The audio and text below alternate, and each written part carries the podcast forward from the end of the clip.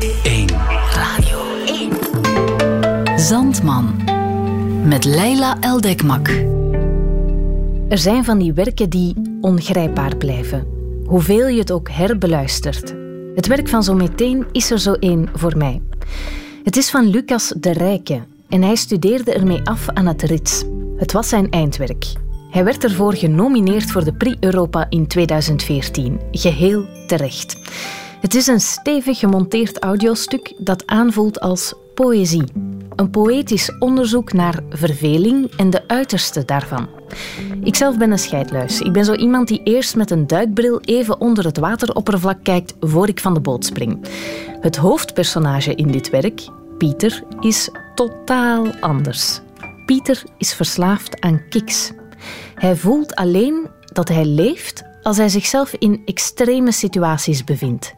Alleen wanneer hij rakelings langs de dood passeert, wordt hij eraan herinnerd dat hij leeft. Dit is twee benen en ondankbaar.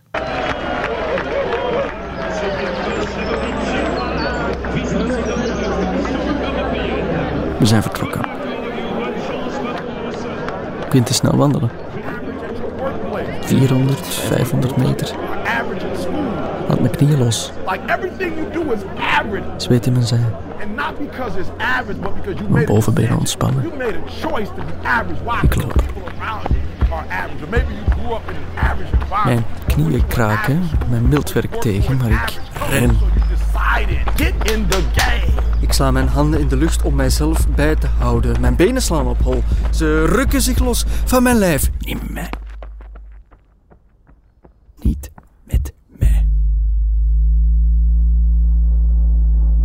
Ik loop mij naar de kloten, duizend meter en door. Ik strek mijn armen. Ga door de muur. Ga door de muur. Sneller dan geluid. Sneller dan licht. Omhoog. Omhoog. Omhoog. Omhoog.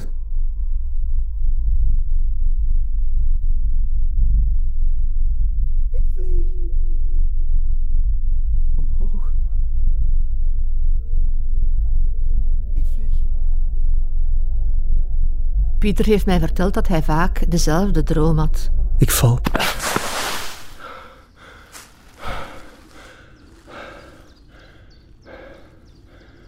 Hij liep in een winkelstraat rond.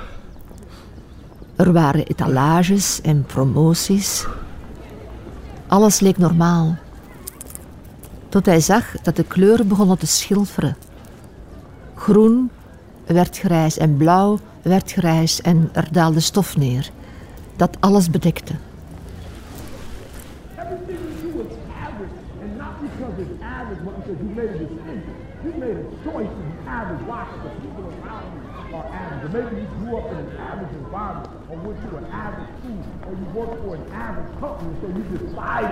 Ik wandel tot het einde van de beek, steek de straat over en ga naar de speeltuin. Aan het uiteinde van de glijbaan, waar zij uitmondt in het zand, ga ik zitten. Ik doe mijn rugzak open en steek de raket in elkaar. De top leg ik naast me, pak het middenstuk, zet de poten eronder en plak de top vast. Ik grijp de zijkanten van de glijbaan vast, sla met de hak van mijn schoen een put in de grond. Ik zet de raket erin en rol de lont uit. Ik ga achteruit. Ga zitten in kleermakerszit. Het uiteinde van de lont tussen duim en wijsvinger. Haal de aansteker uit mijn zak.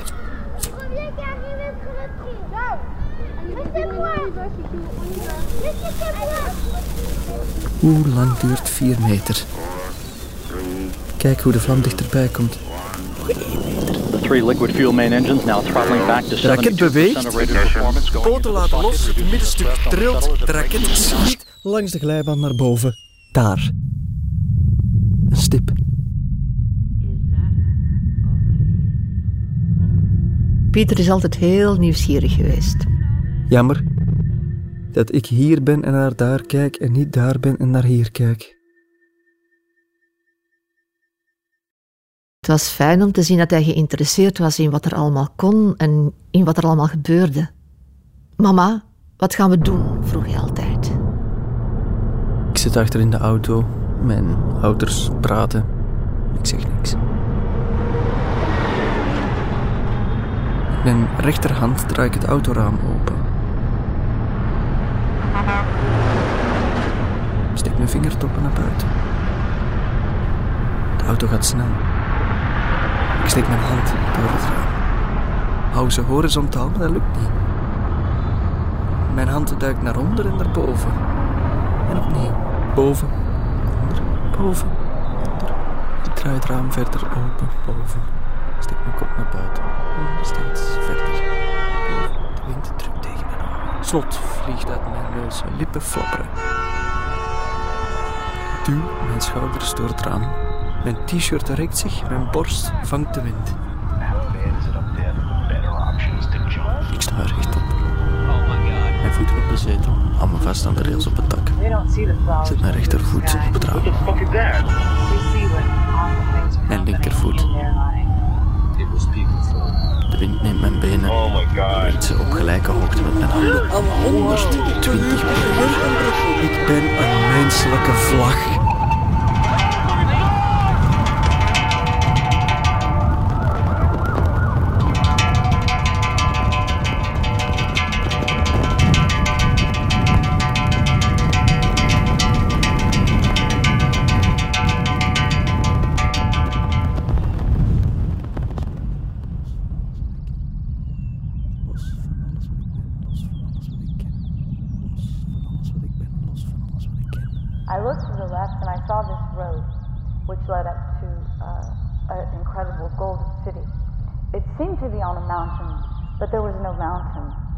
But it seemed to be on a mountain. Los van alles And wat ik ben, um, los van alles wat ik it ken. was like hot oil was Los poured van alles over wat me ik from the ben, top of my los head to the van bottom of alles my wat ik feet. ken. And Los van alles It wat ik was ben, as los if, van uh, alles wat ik ken. it's difficult to talk about without kind of getting there again, you know?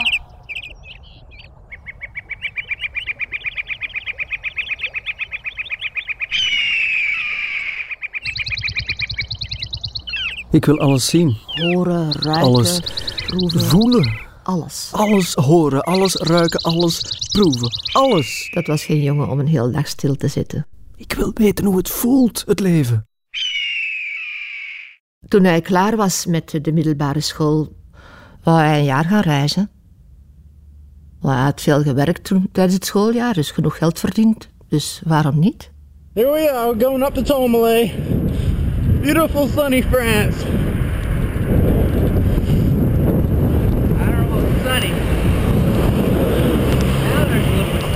Ik slalom met mijn fiets tussen toeristen. Bonjour, bonjour. Mijn benen verzuurd, zweet prikt in mijn ogen. La-di-da.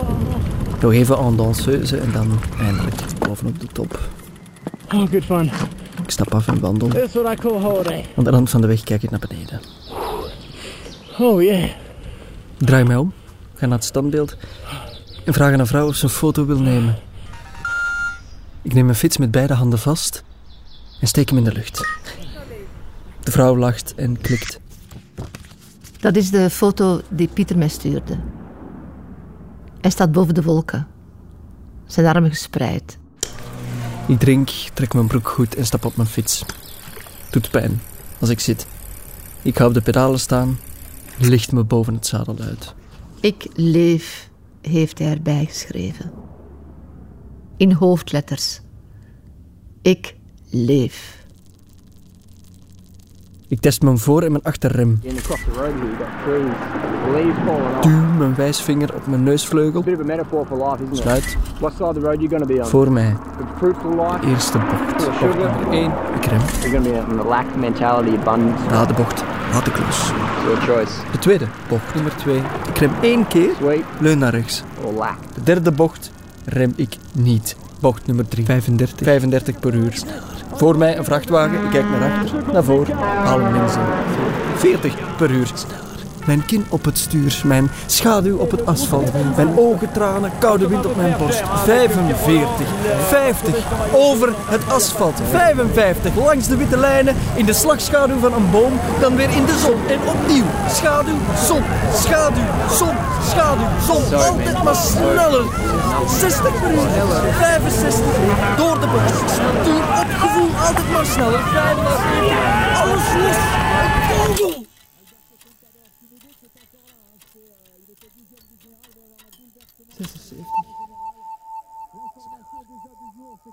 Achtenzeventig. Negenenzeventig. Tachtig. Op reis leerde hij iemand kennen die met een wingsuit had gevlogen. Zo'n pak waarmee je kan vliegen. Je springt ermee van een berg en enkele seconden later spreid je je armen en je benen. En het stuk stof dat tussen je ledematen hangt, spant zich op. Vliegende eekhoorns, zoiets. Ken je dat? Voor hij zelf mocht vliegen, moest hij eerst 500 keer skydiven. In één maand tijd is hij 100 keer gesprongen. Toen was zijn geld op. Ik kwam hij terug naar huis. Dansen, Steven. Dat kan dat dus goed. Ik zei dan zo in draaien rechts. Ik lig op mijn rug op bed, luister naar mijn vrienden beneden. Ze drinken, lachen. Ik rol uit bed, doe mijn pantoffels aan. Open de glazen schuifdeur, ga op het balkon staan. Knijp mijn ogen dicht. Laat de lichtjes van het dorpje beneden in elkaar overlopen. Leg mijn handen op de koude balustrade. En leun voorover. Het, het, eigenlijk, het, het echt bijna wel een dood zijn. Daar gaat het op. Mijn buik duwt tegen de balustrade. Mijn voeten gaan van de grond. Eigenlijk willen ze niet echt dood zijn, laten we dat duidelijk stellen, maar Benen los. ze willen wel zo dicht mogelijk bij de dood komen. Handen los. Ik kantel. Langzaam. Voorover.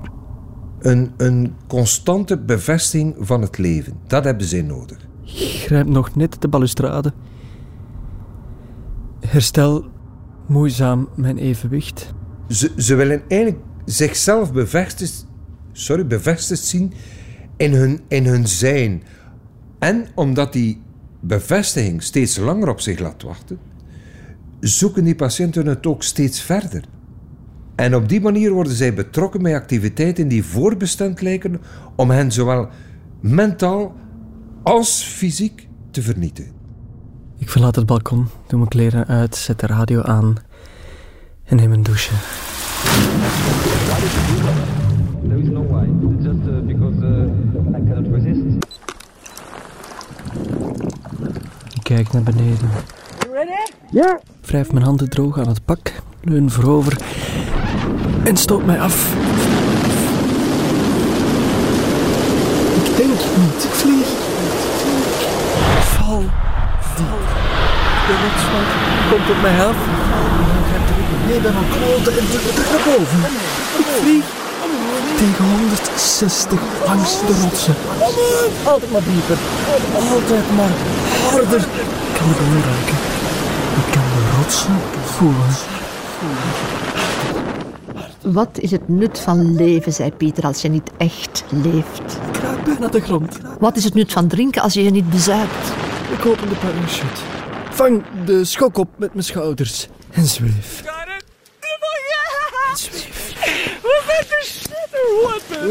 Ik heb foto's gezien van een jongen die neergestort is met een wingsuit. Een Brit.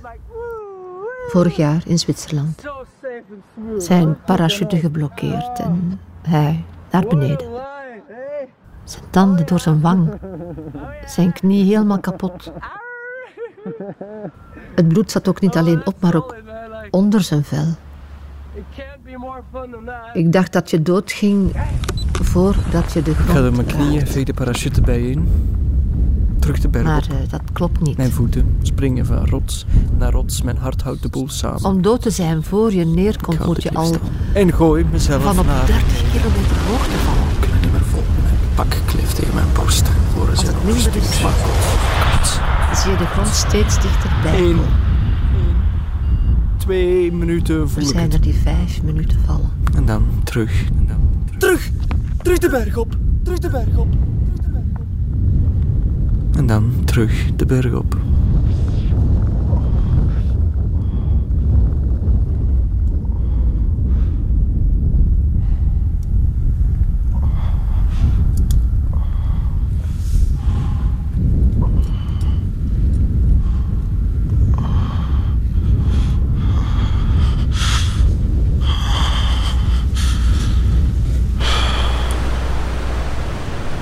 Ik heb een stoel vast. Wandel langzaam over het gras naar het uiteinde van de klif. Aan de rand zet ik de stoel voorzichtig neer, de rugleuning grenzend aan de diepte. Ik draai me om en ga zitten. Voel de poten in de grond zakken. Mijn kuiten spannen zich. Langzaam duw ik met mijn rug tegen de leuning. Mijn benen duwen. De voorste poten komen heel voorzichtig los van de grond. Mijn handen grijpen het zitvlak. Ik verplaats mijn gewicht van de toppen van mijn voeten naar de achterpoten van de stoel. Til mijn rechtervoet op. En dan mijn linker. Ik balanceer. Trillend.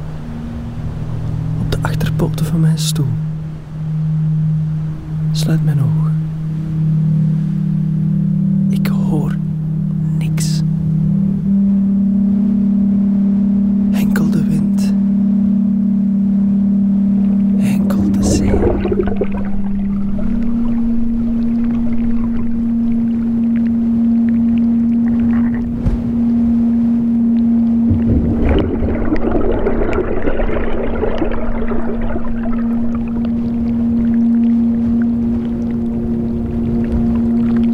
Hebben nu je schedel verdoofd. Bij een kleine groep van onze patiënten En dan kunnen we er straks aan beginnen. kwaadaardige vorm van zelfvernietiging.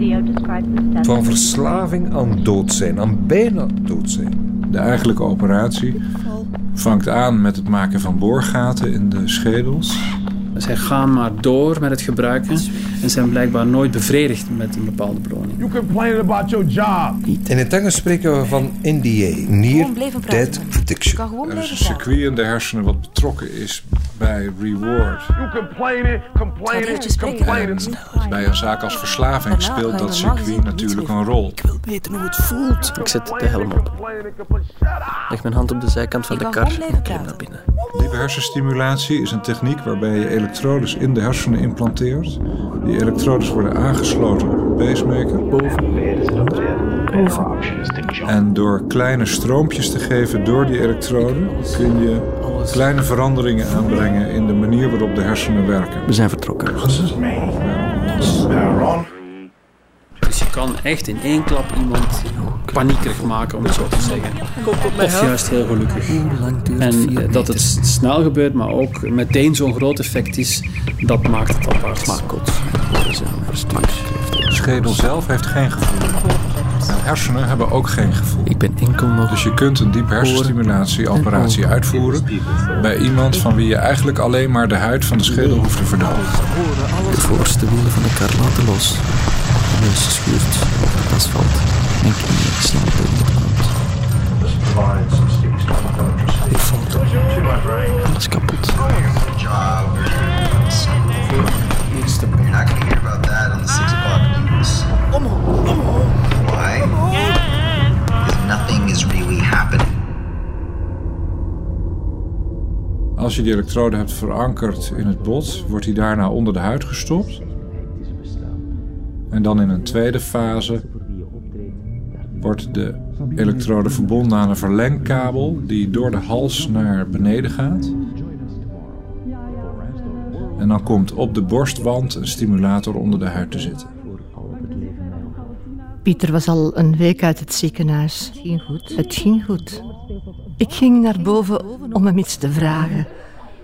Ik zag hem op zijn bed zitten, zijn rug voorover gebogen, zijn vuisten keihard op het hoofdkussen.